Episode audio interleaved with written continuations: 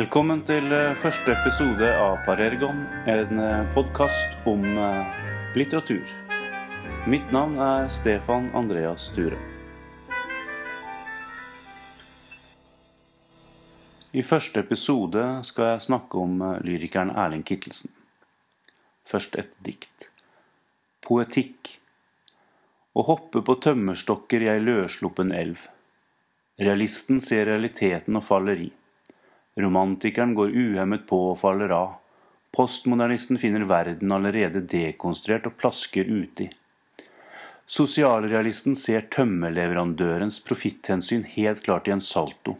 Surrealisten prøver en fransk en, og havner i fossen. Periferisten tror også i strømmen det vil lykkes. Futuristen tyr til universalskoene, bommer. Vi sitter på noen rullesteiner og følger elveballetten. Et tynt cellulosegrolag med søtlig syreduft forteller om virksomhet, drømmer, blokkpolitikk, forurensning, kamp for fioler, veiforbindelser vyer framover.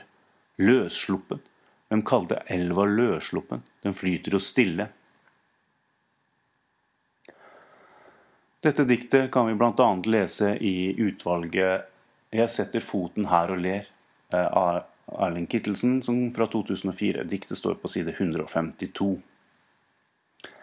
Erling Kittelsen er født 10.4.1946 og har gitt ut en rekke eh, diktbøker, eh, romaner, eventyr, fabler, skuespill, oversettelser. Og han har også vunnet flere priser.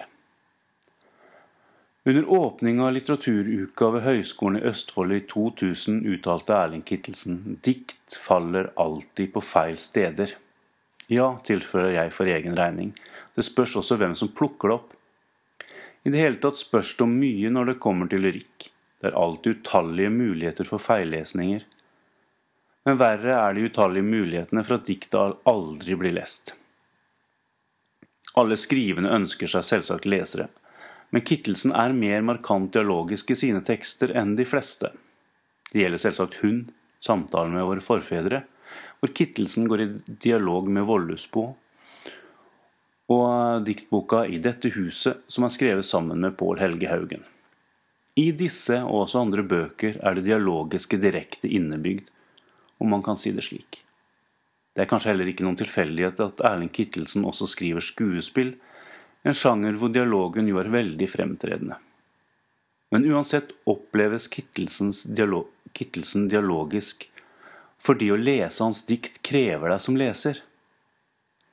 Det lar seg ikke gjøre å forholde seg passivt til teksten dersom man vil ha utbytte av lesingen.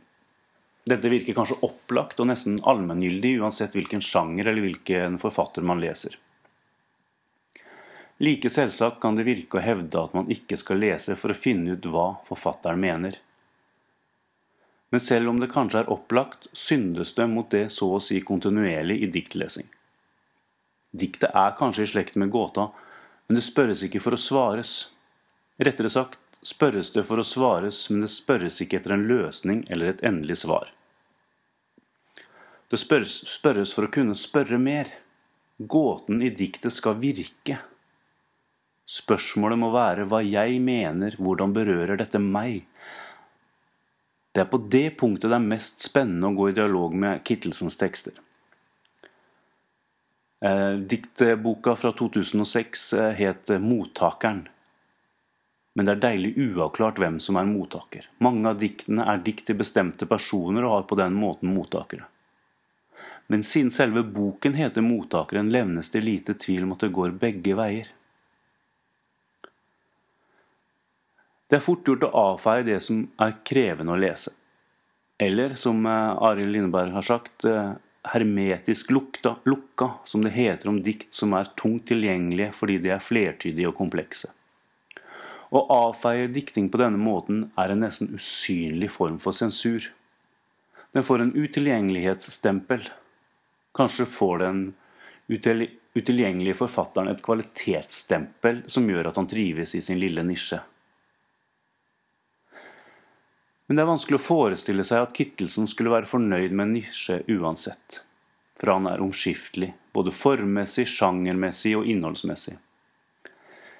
Det er mangfoldet som kjennetegner Kittelsen, akkurat som i diktet innledningsvis velger Kittelsen å ikke låse seg til en isme, til et sted eller en tid, men velger å stå utenfor.